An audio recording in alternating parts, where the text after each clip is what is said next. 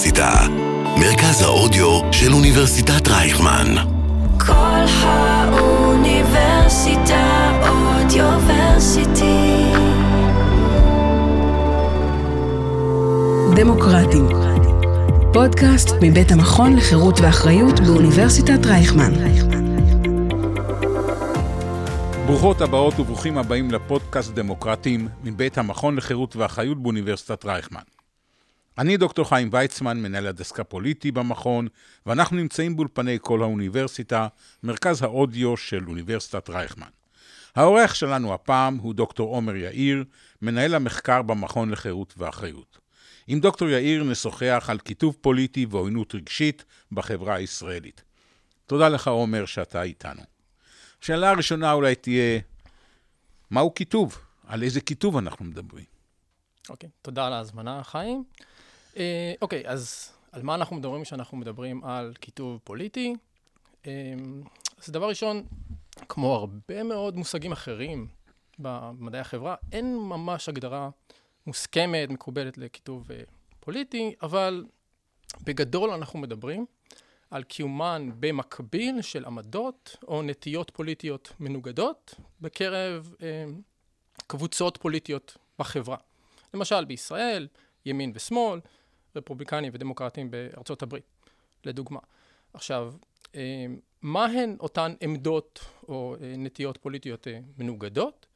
אז כאן אנחנו מדברים בעצם על שני סוגים מרכזיים של, של כיתוב. הראשון, כיתוב אידיאולוגי, השני, מה שציינת, כיתוב רגשי, מה שנקרא affective polarization, בעצם עוינות בין הקבוצות היריבות.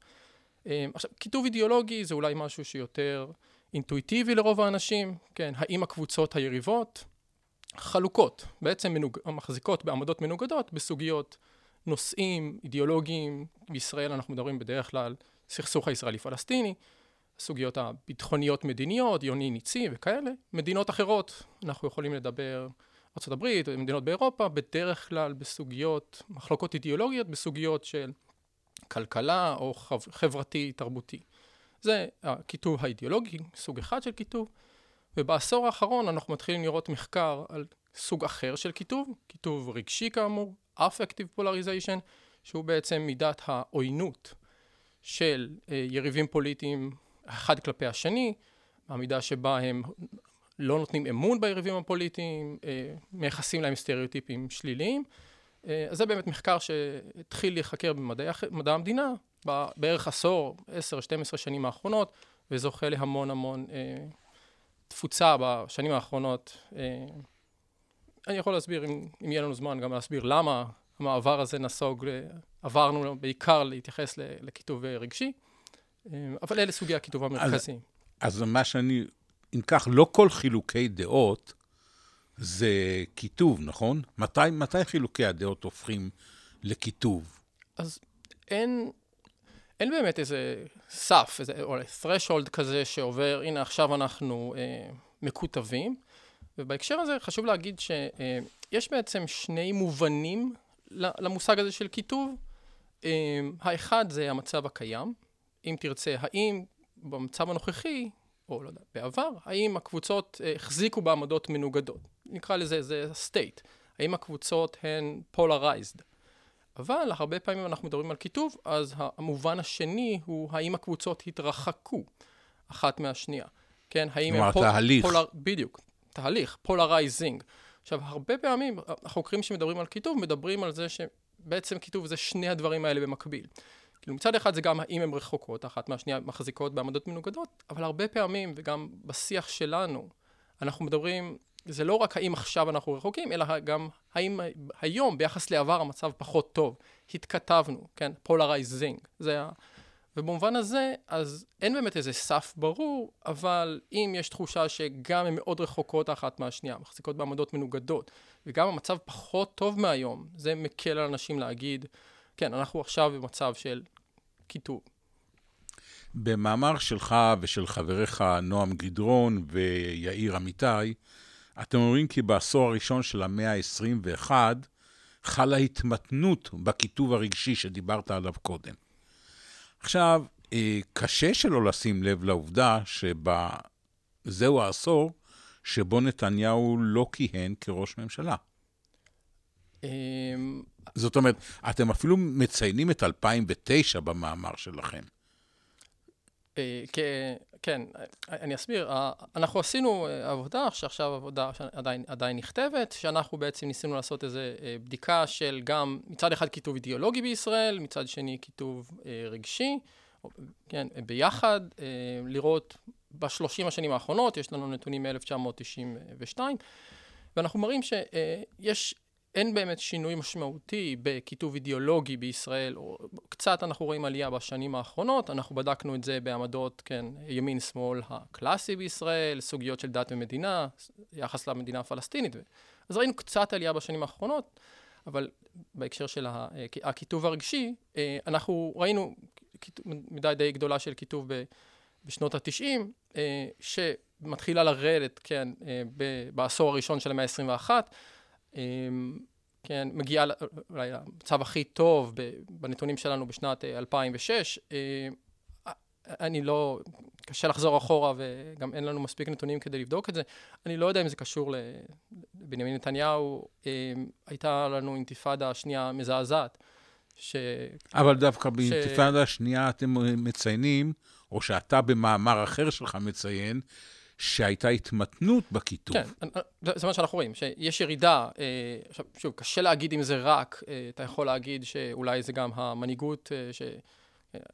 כן, אולי הייתה מנהיגות, אני, כן, קשה לדעת אחרי, גם למרות ההתנתקות, עדיין אנחנו רואים ירידה ב-2006, מנהיגות שאולי לא ניסתה, כן, לא פעלה באופן, כן, שנסה אולי ליצור מחנות כאלה ואחרים, אלא, כן, מאבק מאוחד כנגד ה... אמ, הטרור הפלסטיני באינתיפאדה, אמ, אולי יחס חיובי יחסית בציבור בתקופה ההיא לשרון. אנחנו לא בדקנו את זה בצורה מסודרת, אה, אנחנו כן, אולי זה, במובן הזה קצת מפתיע, מ-2003 ל-2006 אנחנו ראינו קצת ירידה אה, בכיתוב, אה, למרות ההתנתקות שהייתה, כן, אירוע די מקטב במובן הזה. ומה שאנחנו, באופן מעניין אגב, אה, היחס לבנימין נתניהו ב-2006 ו-2009, היחס אליו הוא יחסית, אין הבדל גדול בין ימין, מרכז ושמאל בישראל ביחס לנתניהו, אה, דומה מאוד ב-2009, לפני שהוא חוזר לשלטון, אה, ומאז היחס אליו, כן. עוד, עוד נדבר על זה. בעצם, אם אני מבין נכון, אין לנו מדידה של, של הכיתוב. אתה יכול להגיד לי יותר מקוטב, פחות מקוטב, כלומר יחסיות, אבל לא, לא ממש 0.85 אה, או משהו. אז, אז יש לנו, אה, איך, איך נמדד כיתוב, אה, יש כל מיני דרכים, אם אנחנו מדברים על, סליחה, על כיתוב אידיאולוגי, אז יש לנו מדדים מסוימים של, כן, האם הקבוצות הן מרוחקות או מחזיקות כאילו בשני גושים, כן, מדידה של בימודליות, יש לנו מדידה של המתאמים בין... אה, עמדות נוס, בנושאים אידיאולוגיים שונים, זה קצת אולי אה, טכני, אבל יש לנו מדידה מאוד אינטואיטיבית של הכיתוב הרגשי, אה, שהיא בעצם היחס, העוינות או יחס חיובי, כן, נקרא לזה שלילי חיובי, ביחס למפלגות בישראל, זו המדידה שיש לנו במשך הרבה זמן, יש לנו של פוליטיקאים לאורך לא מעט זמן, וכאן אתה רואה אם היחס אה, של, לצורך העניין, מי שמחזיק באידיאולוגיה ימנית, או מחזיק, מצביעי המפלגה הגדולה של ה... אה, בצד הימני של המפה, אולי בצד השמאלי של המפה, שאם אתה רואה שהיחס שלהם למפלגה היריבה משתפר, נהיה חיובי יותר, אז אתה אומר הכיתוב פוחת. וזה, יש נתונים של עשרות שנים בישראל גם, אה, סקאלה של 0 עד 10 שהיא די דומה לאורך השנים, אז במובן הזה אתה יכול לראות שינויים. אה, ואנחנו ראינו אגב, בנתונים האחרונים, אנחנו, אולי זו השורה התחתונה הלא סימפטית שלנו, שב-2022 אה, זה הגיע לשיא הכיתוב שאנחנו ראינו בשלושים שנה האחרונות, כאשר... אני מזכיר שהיו לנו בחירות ב-1 בנובמבר 2022. כן, אז, אז אותם, אותם בחירות, אז בסקר, אנחנו, צריך לציין את זה שאנחנו משתמשים בנתונים של אה, סקר הבחירות בישראל, ה-INES אה, של אוניברסיטת תל אביב, ושם באמת הם שואלים באופן, ממש לפני כל בחירות, הם מריצים סקרים מכובדים כאלו.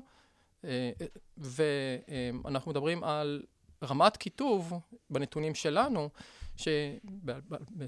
כן, לפני הבחירות של 2022, שאפילו עקפה את רמת הקיטוב אה, לפני הבחירות, בין רפובליקנים ודמוקרטים, לפני הבחירות של 2016 בארצות הברית, ודי דומה למה ש... כן, ל-2020, הבחירות שהיו להם שמה. שאם האמריקאים מסכימים שהם מקוטבים במידה נכבדת בתקופה ההיא, אז אנחנו כנראה באמת ברמות מכובדות של קיטוב במובן הזה. מה שאולי אה, מטריד עוד יותר, זה שאתם טוענים באותו מאמר שעלול להיות קשר בין קיטוב רגשי לנסיגה דמוקרטית. אתה יכול להסביר מה זה הקשר ואיך הוא עלול להתבטא? אוקיי, okay, אז, אז זה נוגע לשאלה, אה, האם בכלל צריך להיות לנו אכפת מקיטוב, כן? אוקיי, okay, אז אנשים מתרחקים האחד מהשני, או קצת פחות אוהבים אחד את השני, אז האם זה בעיה? אה, אז אה, חלק גדול מהתמריץ למחקר המאוד מאוד ענף שנעשה בשנים האחרונות, בעיקר בתחום של מדע המדינה, אבל גם התפשט לדיסציפלינות אחרות, זה החשש שלאותו קיטוב, בעיקר קיטוב רגשי, העוינות, אולי אפילו השנאה כלפי היריבים הפוליטיים, אז הדבר הזה יש לו השלכות פוליטיות מאוד, מאוד משמעותיות, לא רק השלכות פוליטיות, אבל הרבה מזה נוגע לחשש המאוד גדול מהשלכות פוליטיות גדולות מאוד, כולל אה, בין השאר החשש מנסיגה דמוקרטית, או אה, נסיגה דמוקרטית אולי זה יותר המובן המוסדי, אז החשש שהעוינות כלפי היריבים הפוליטיים מובילים את הציבור, ואולי גם את הפוליטיקאים, אה, לתמוך במהלכים אנטי דמוקרטיים, פעולות לא תקינות, לא דמוקרטיות של, ה, של המנהיגים. אה, יש אפילו מחקרים שהכותרות שלהם הם משהו כמו אה, הקיטוב נגד הדמוקרטיה, כן? Polarization versus Democracy. והטענה שם היא שאם אתה כל כך שונא את היריבים הפוליטיים שלך, אתה חושב שהם כל כך קיצוניים ומסוכנים, אתה מוכן לקבל מהלכים לא דמוקרטיים של הצד שלך כדי לנצח את היריבים הכל כך אה, בעייתיים לצורך העניין. אה, אם יורשה לי לפרש אה, שני חוקרים מאוד חשובים במדע המדינה של המאה ה-20, סיימון מרטין ליפסט ורוברט דל, כמעט אני יכול להגיד שהסכנה לדמוקרטיה טמונה בדמוקרטיה עצמה? אוקיי, אז במובן הזה שהדמוקרטיה, אולי הבסיס, אחד הבסיסים המרכזיים שלה זה תחרות בין קבוצות על השלטון. והחשש שאותם חוקרים ואחרים מביעים זה שהתחרות הזאת תהפוך למשהו שעלול לפרק את החברה. כן, אנחנו מדברים על, על כיתוב, אנחנו כמעט תמיד מדברים בין קבוצות שהן, כיתוב פוליטי, קבוצות שמתמודדות על השלטון, אה, מתחרות על השלטון, והחשש הוא באמת שאם אתה כל כך שונא וחושב שהצד השני הוא כל כך קיצוני, אז אתה עלול לפעול בדרכים שהן בעייתיות לצורך העניין, גם מבחינה דמוקרטית ומבחינות אחרות, כדי למנוע מהצד השני. אה, גם אם לא נלך לקיצוניות של, אתה יודע, אפשר לחשוב על השנות ה-30 של המאה ה-20, של, לא יודע, ספרד ומלחמת האזרחים ועוד הרבה מדינות אחרות באירופה, בשנות ה-30 וה-40 של, כן, אה, כיתוב פוליטי חריף. גם אם לא הולכים לקיצוניות הזאת, החשש הוא אה, שחוקרים מביעים מאותה רמת כיתוב מאוד גבוהה, זה שהדבר באופן כללי פוגע בפוליטיקה וגם מחלחל לחברה.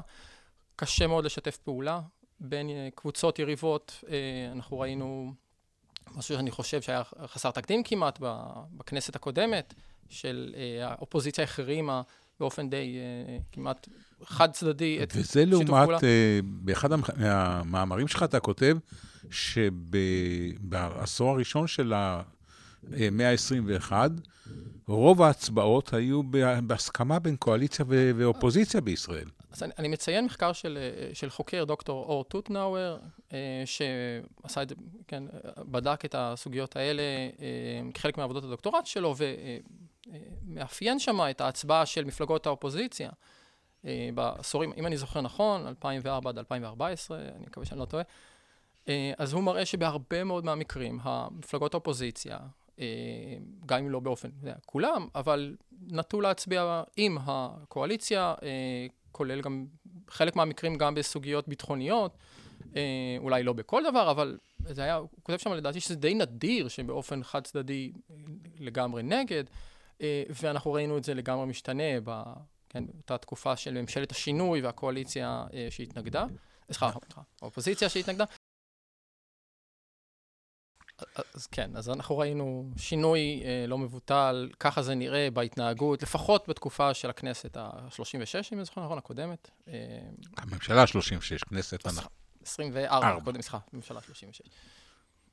אה, מאמר אחר שלך, אתה מאזכר שני חוקרים מן המאה שלנו דווקא, את מילן סלוביק וג'ניפר מקוי, שטוענים כי כיתוב ושיסוע פוליטי מובילים לאי יציבות פוליטית ולפגיעה בדמוקרטיה, ועלולים להוביל אף לקריסת המשטר הדמוקרטי והסדר החברתי כולו, בייחוד כשהם מלובים על ידי מנהיגים סמכותניים, להם תמריץ אלקטורלי לחלק את הציבור לאנחנו והם. זה מה שקורה בישראל? זה מה שעושה ראש הממשלה נתניהו? אה, אני, אני לא, זה לא משהו שבדקתי באופן ישיר, כן? אה, המחקרים ש, שהחוקרים האלה מציינים, אה, מדברים על הרבה מדינות שהן לא ישראל. כן, הם לוקחים את הדוגמאות של ונצואלה וטורקיה והונגריה, גם מתייחסים לארה"ב כמובן, בתקופת טראמפ, פולין, והטענה שלהם לצורך העניין, בואו ננסה להוציא לרגע את ישראל מה, מה, מהניתוח. אה, הטענה שלהם שיש ממש יתרונות אלקטורליים לחלק מהמנהיגים האלה, בכך שהם אה, הופכים את המאבק הפוליטי לא מאבק בין עמדות ובואו נקדם משהו מסוים, אלא למאבק בין קבוצות, אנחנו נגדם ומנסים להעביר את המסר, כן, כמעט באופן מודע, לשסע או לכתב, להפוך את זה ל"אנחנו מולם והם רעים ואנחנו טובים". אמ, וכך, ברגע שהם עושים את זה, הדבר, כן, אחת, אחת הנקודות בעניין של, של הכיתוב, אם אתה כל כך שונא את היריבים הפוליטיים, אתה מוכן לקבל, אמ, כמו שציינתי לפני זה, גם פעולות אולי לא דמוקרטיות, אבל אתה פחות אה, תבוא בטענות לצד שלך, אם יש בעיות שנעשו, אתה פחות תבקש מהם לקחת אחריות על אולי אה, תקלות, לצורך העניין, שוב, נוציא את המימד הישראלי. אם יש נסיגה בכלכלה במדינה, אם אתה מחסן את הציבור שלך, כי אתה, הצד השני כל כך גרוע, אז אתה, הצד השני, כן, אותם מנהיגים מנסים להפוך לאנחנו מולם, הוא לא יעניש אותם בקלפי בהרבה מהמקרים, כי הברירות הן יותר גרועות. אה, זה, אלו עיקרי הטיעון, כן? אה, ואז זה כמעט מאפשר להם לפעול, לאותם מנהיגים, אה, בצורה שהיא, כן, אה, אין אחריותיות למעשים הלא טובים שלהם, כי הם יכולים במובן הזה לפעול אה, כמעט ללא, ללא שום מגבלה מהקלפי, מה, מהציבור הרחב. צד שלהם בטוח יתמוך בהם, ויש שטוענים בהקשר האמריקאי שזה מוריד מאוד את התמריץ, אם אנחנו כל כך מקוטבים, של המנהיגים, הפוליטיקאים, לפנות אה, ולנסות לשכנע אנשים מהצד השני, כי אכפת להם רק מה שקורה מהצד שלהם. כן, הם מנסים רק לגייס את התמיכה מהצד שלהם, ולא לפנות, לא לנסות לגייס תמיכה מהיריבים הפוליטיים, או איזשהו מימד של שיתוף פעולה. כן. כמנהל המחקר במכון לחירות ואחריות, אתה מוביל מחקרי דעת קהל בנושאים פוליטיים וחברתיים שונים. אז מה, מה אומרים המחקרים האלה ש, ש, שאתה מנהל ב, במכון לגבי הכיתוב הפוליטי בישראל? אמ, אוקיי, אז אמ, אנחנו רואים מה שאנחנו ראינו, אני עשיתי ניתוח אה, מאוד קטן, של, ראשוני, של הכיתוב בשנה האחרונה, כולל אחרי המלחמה. אה, השאלות, אנחנו שאלנו שם שאלות על, אה, כן, יחס ל... שאלנו את הציבור בסקרים, יחס לימנים, יחס לשמאלנים, וגם עניין ברצון במרחק חברתי. ואנחנו רואים שזה נשאר ברמה יחסית אחידה, אה, לפחות מאז, אחרי הבחירות האחרונות, מנתונים שיש לנו מדצמבר 2022. אה, אנחנו לא ראינו בשלב זה שהמלחמה, כן, סקר האחרון שרצנו בנובמבר, אנחנו לא ראינו עמדות,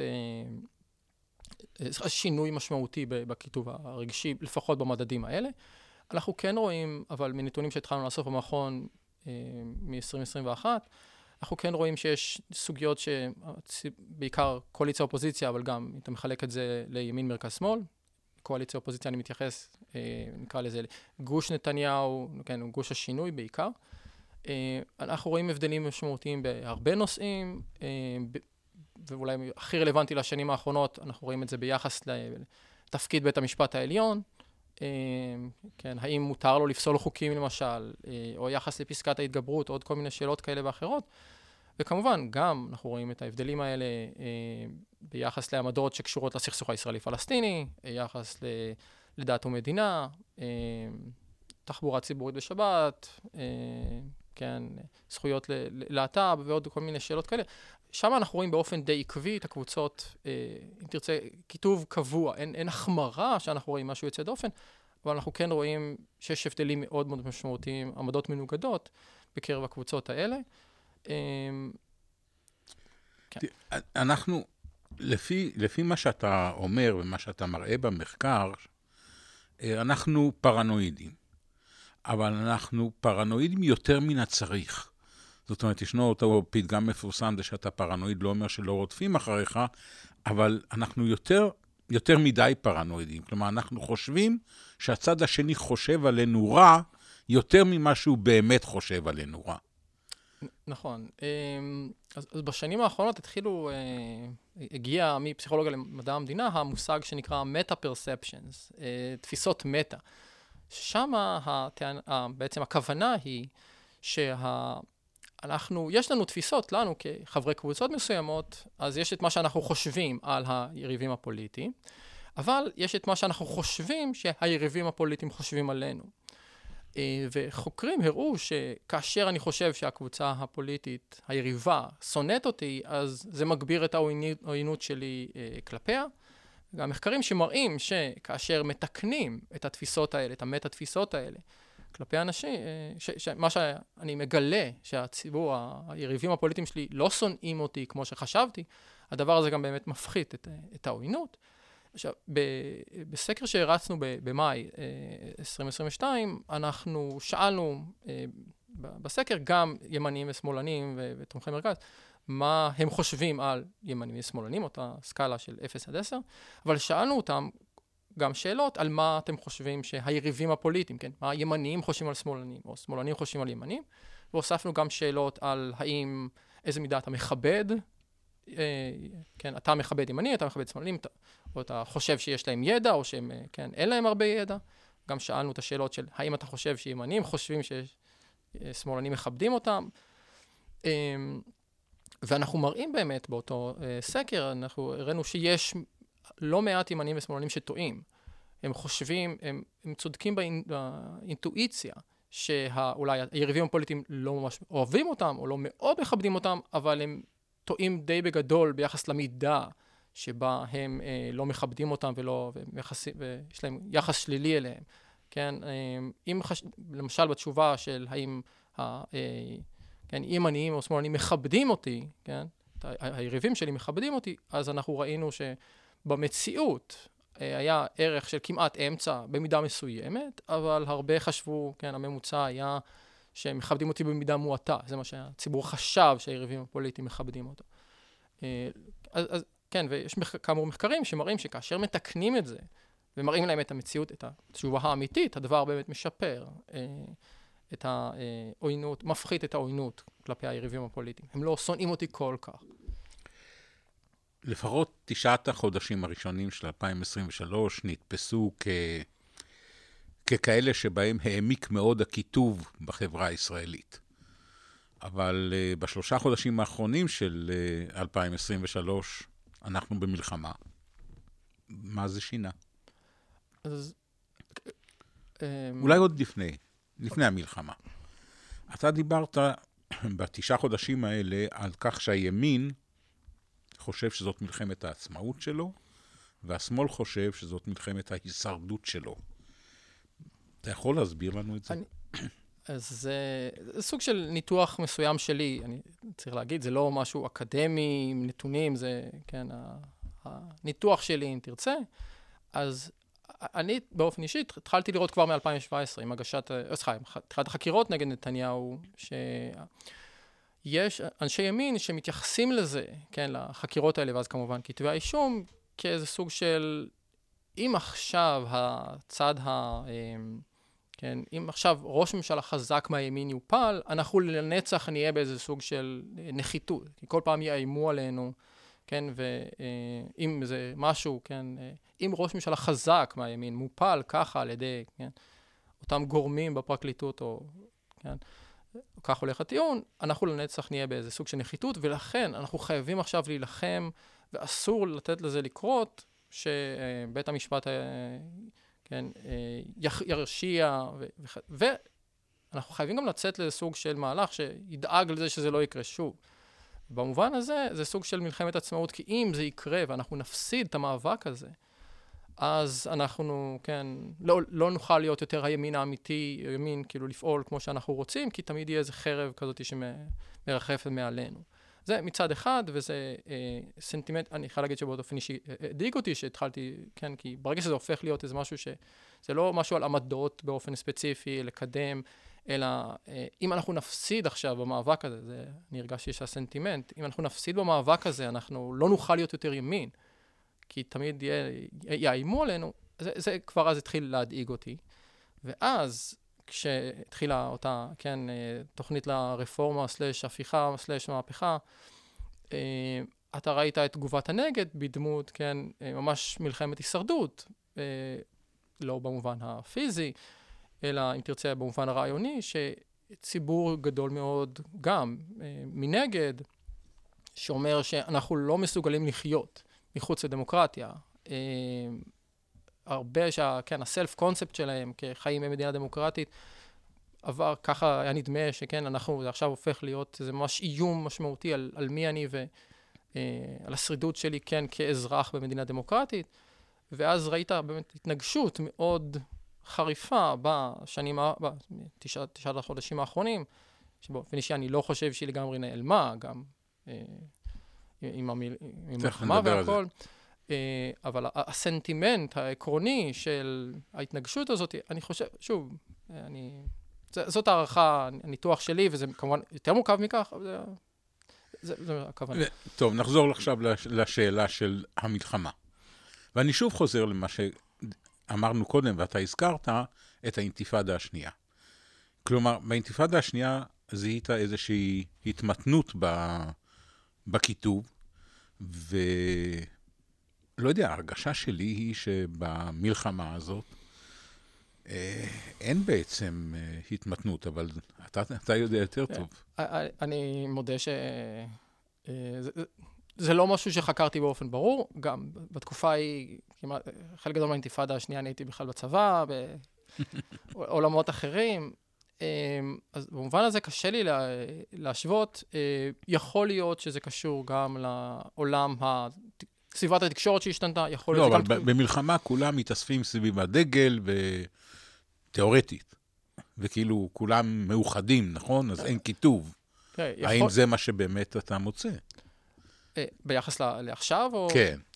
אנחנו לא ראינו, שוב, על ניתוח אחד, לא ראינו עדיין שינוי משמעותי, וצריך לסייג את זה, שכמו שגם אנשים ציינו עכשיו, לגבי סקרים, סקרי דעת קהל או סקרי בחירות, שיש חלק לא מבוטל מה, מהציבור שנמצא כרגע במילואים. אה, כן, אה, למרות ששיעורי המענה על סקרים, ככה הבנתי, אה, עלה מאז תחילת המלחמה, יותר אנשים עונים לסקרים, לפחות בחברות סקרים שמזמינות, כן, עלה ב... כן, אולי הוכפל כמעט. אה, עלייה משמעותית. בנתונים שלנו זה עלה מ-10 ל-20, במספר סקרים שבדקתי, נגיד אוגוסט-ספטמבר ביחס ל... 10-20 זאת אומרת שמ-10% מ-70 ל-20% מ-70. מי שנשלחה עליו הזמנה לצורך העניין. אמ, שוב, זה, שאלתי גם את אחת חברות הסקרים, הם באמת אמרו לי שכן, הם ראו אצלם עלייה.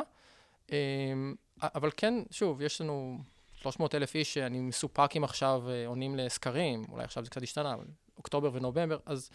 והם גם חוו חוויה אחרת, אני מניח, מרובנו, לפחות במובן של אינטראקציה עם אנשים שהם, אה, כן, אולי חלקם לא באים איתם במגע ביום-יום. יכול להיות שזה ישתנה. אה, לגבי האינתיפאדה השנייה, אה, אז, אז גם שם זה לא שהכיתוב נעלם, או שהעוינות כלפי היריבים הפוליטיים נעלמו כל כך מהר, והמעט שאני זוכר מהתקופה ההיא, זה לא שהוויכוחים בין ימין ושמאל נעלמו אז, אה, כן, אה, דין אה, תל אביב, דין נצרים כדין תל אביב, זה... והלעג לעמרם מצנע בתקופה ההיא. טוב, זה 2003, הבחירות של 2003. כן, זה לא, זה לא נעלם, וגם, כן, אבל כן אנחנו ראינו לאט לאט שיפור מ-2001 עד 2006, סליחה, מ-99 ואז ירידה 2001 על סקרים, 2003, 2006. שאלה מעניינת מאוד למחקר עתידי, לבדוק מה ב... למה זה באמת ירד, אמ, ויכול מאוד להיות שאנחנו כן נראה אפקט במובן הזה חיובי, הפחתה של הקיטוב בתקופה הקרובה, יכול להיות. אני, אני אניח הנחה שאני מבסס אותה, או מנסה לבסס אותה, על מאמר אחר שלך.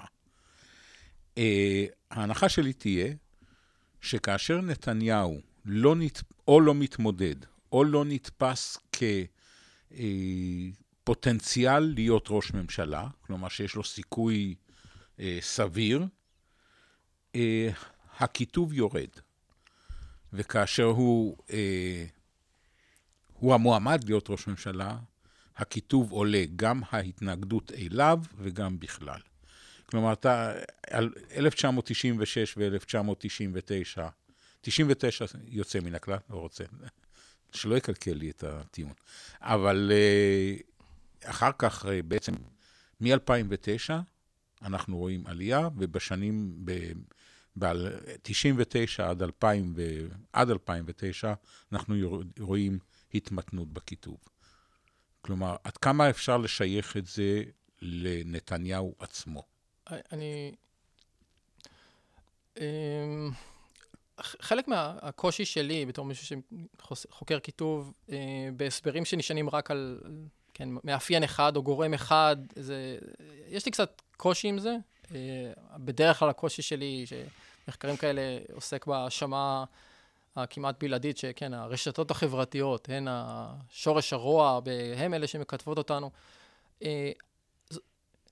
נגיד זה ככה, גם אם זה נכון, אני לא יודע אם זה נכון, אז יש כל כך הרבה דברים שקורים בסביבה הפוליטית בישראל ובהרבה מדינות אחרות, מאז, כן, 2010 לצורך העניין.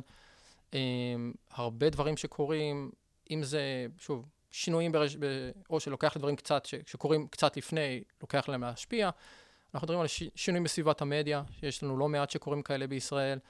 אמ, אנחנו מדברים על הרשתות החברתיות שמתחזקות בצורה די רצינית, כן, אה, אז אנחנו אולי גם רואים שינויים מסוימים בדעת הקהל בישראל, שלצורך העניין לא קשורים בהכרח לנתניהו. אמ, אנחנו, ותראה, גם חלק לא מבוטל, אני חושב, גם ממה שקורה, אה, זה אולי גם משוייך לאותו, אה, אותם חקירות נגד נתניהו ואותו משפט נתניהו שעדיין מתרחש, שיכול מאוד להיות שגם היו לו השפעות.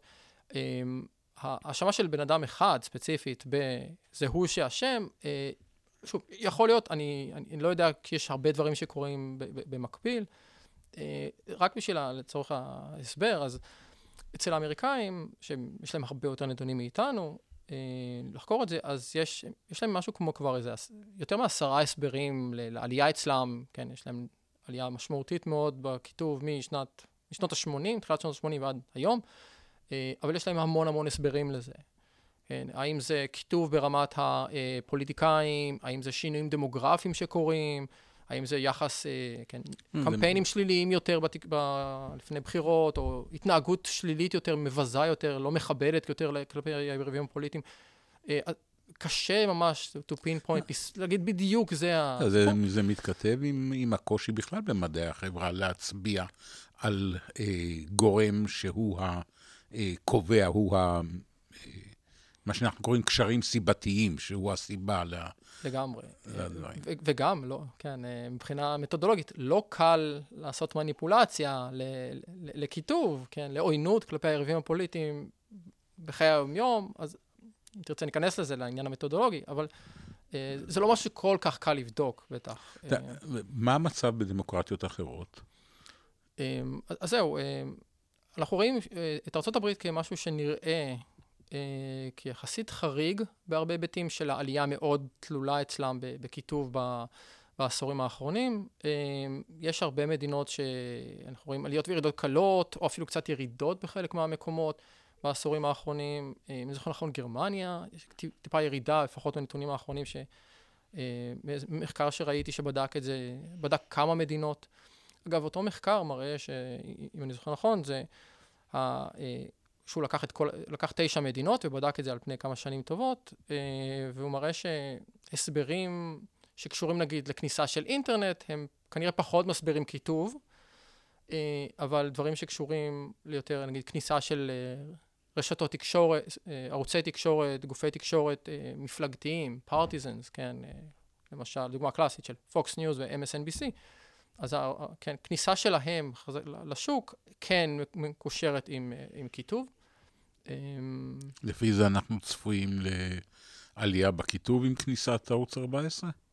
אמ, ערוץ 14, ש, ש, שכבר נכנס. כן. אה, אמ, אני לא יודע, אה, אני חייב להגיד הערת אגב, אני מאוד הופתעתי שרק בשנה האחרונה ערוץ 14 זכה לכאילו קפיצה משמעותית בצפייה שלו.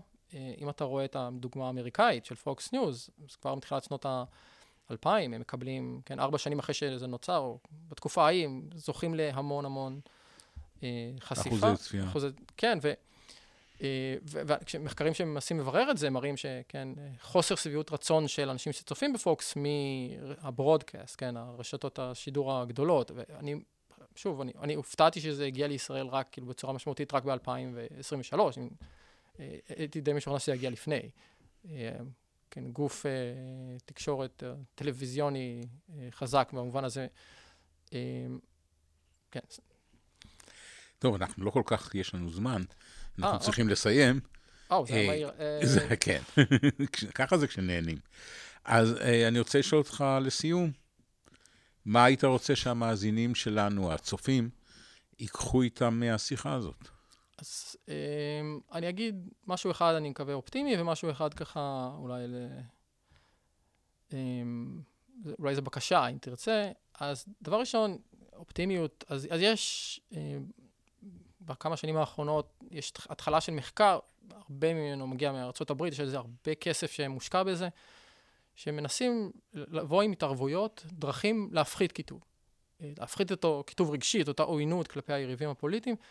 יש שורה של מחקרים מהשנים האחרונות שמראים כל מיני דרכים, אה, כן, שיתופי פעולה בין אה, פוליטיקאים שמראים את זה לאנשים, יחס מכבד, הדבר הזה מראים שזה מפחית כיתוב.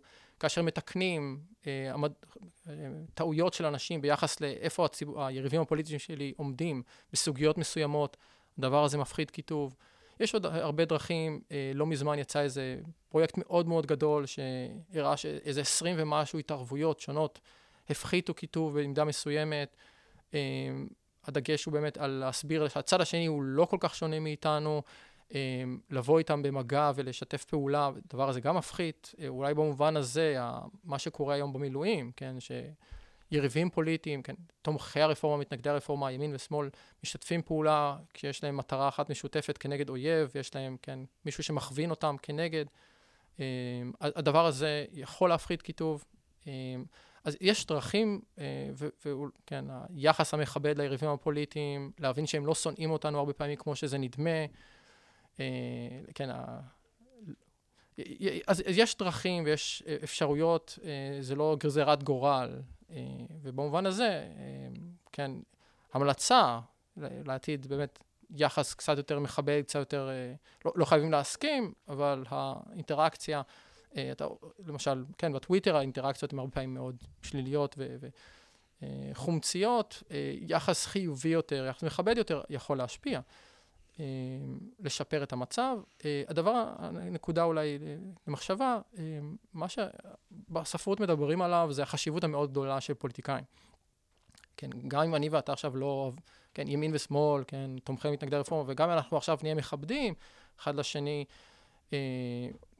הכוח של פוליטיקאים שנתפסים כמייצגי הקבוצה, כן, הפרוטוטיפ של הקבוצה, אה, וגם החשיפה שלהם היא הרבה יותר גדולה משל אני ואתה או אנשים בדרך כלל, אה, ולהם יש כוח מאוד גדול להשפיע אה, על רמות הכיתוב, להפחית אותם, מסרים מכבדים. יש מחקר שיצא בישראל גם שהראה שכאשר אמרו לאנשים לפני אחת הבחירות, בסבב הבחירות, מחקר של חגי וייס ולוטם בסן, שכאשר אמרו לאנשים שהולכת לקום ממשלת אחדות, לעומת ממשלת, ממשלה שרק צד אחד יהיה בשלטון, אז הדבר הזה הפחית במידה מסוימת כיתוב, כן, עוינות כלפי היריבים הפוליטיים, אותה ממשלת אחדות. אה, אז אני אסיים בזה שאני אגיד שאני חושב שחשוב מבחינתנו לדרוש מהפוליטיקאים ליחס חיובי יותר, מכבד יותר, עוין פחות, בטח בימי מלחמה, אבל גם, גם, גם לא, גם ב, ביום-יום, לצורך העניין, גם אם לא מסכימים על דברים. ו, כן, יש לנו לא מעט אי הסכמות, אה, עדיין, להתייחס בצורה מכבדת, זה מראה, כן, אה, אני יכול להוסיף גם להודות בטעויות מאוד עוזר במובן הזה, כן, להראות שאתה לא רק הצד שלך, אתה מודע שיש משימה גדולה מעליך, וזה לא רק כדי לדרוס את היריבים הפוליטיים. הדברים האלה, זה משהו שצריך לבקש מהפוליטיקאים שלנו, יחס חיובי יותר, גם אם אולי מבנה התמריצים שלהם הוא קצת אחר במובן הזה, אבל זה משהו שאנחנו צריכים לבקש מהם, אה, בשאיפה שזה יעזור להפחית אה, עוינות שכזו, ואולי גם לשפר את, במובן הזה, לשפר את הדמוקרטיה שלנו בשאיפה. תודה רבה. תודה רבה לך, דוקטור עומר יאיר, מנהל המחקר במכון לחירות ואחריות. תודה לכל האוניברסיטה, מרכז האודיו של אוניברסיטת רייכמן. תודה לכם שהייתם איתנו. ניתן להאזין לפודקאסטים שלנו בכל האפליקציות האפשריות, ספוטיפיי, אפל פודקאסט, יוטיוב, ובאתר המכון לחירות ואחריות. שמרו על עצמכם והיו טובים. תודה, חיים. תודה. וואו. לא, זה עבר מהר. 40 דקות, אדוני. די, זה הרגיש לי כמו 20 דקות. כולל השיעול שלי, 40 אוקיי. דקות ו-56 שניות. אוקיי, יפה. מקווה שהיה סביר, לא יודע. היה סביר מאוד, אני... חכה, אני צריך עכשיו לשמוע את זה. אה, אבישי, אוקיי. אתה... בוא נקווה ששמעו אותי. אתה שמת לב שצריך אה, להוריד שם את השיעול שלי בסביבות דקה 14. אוקיי.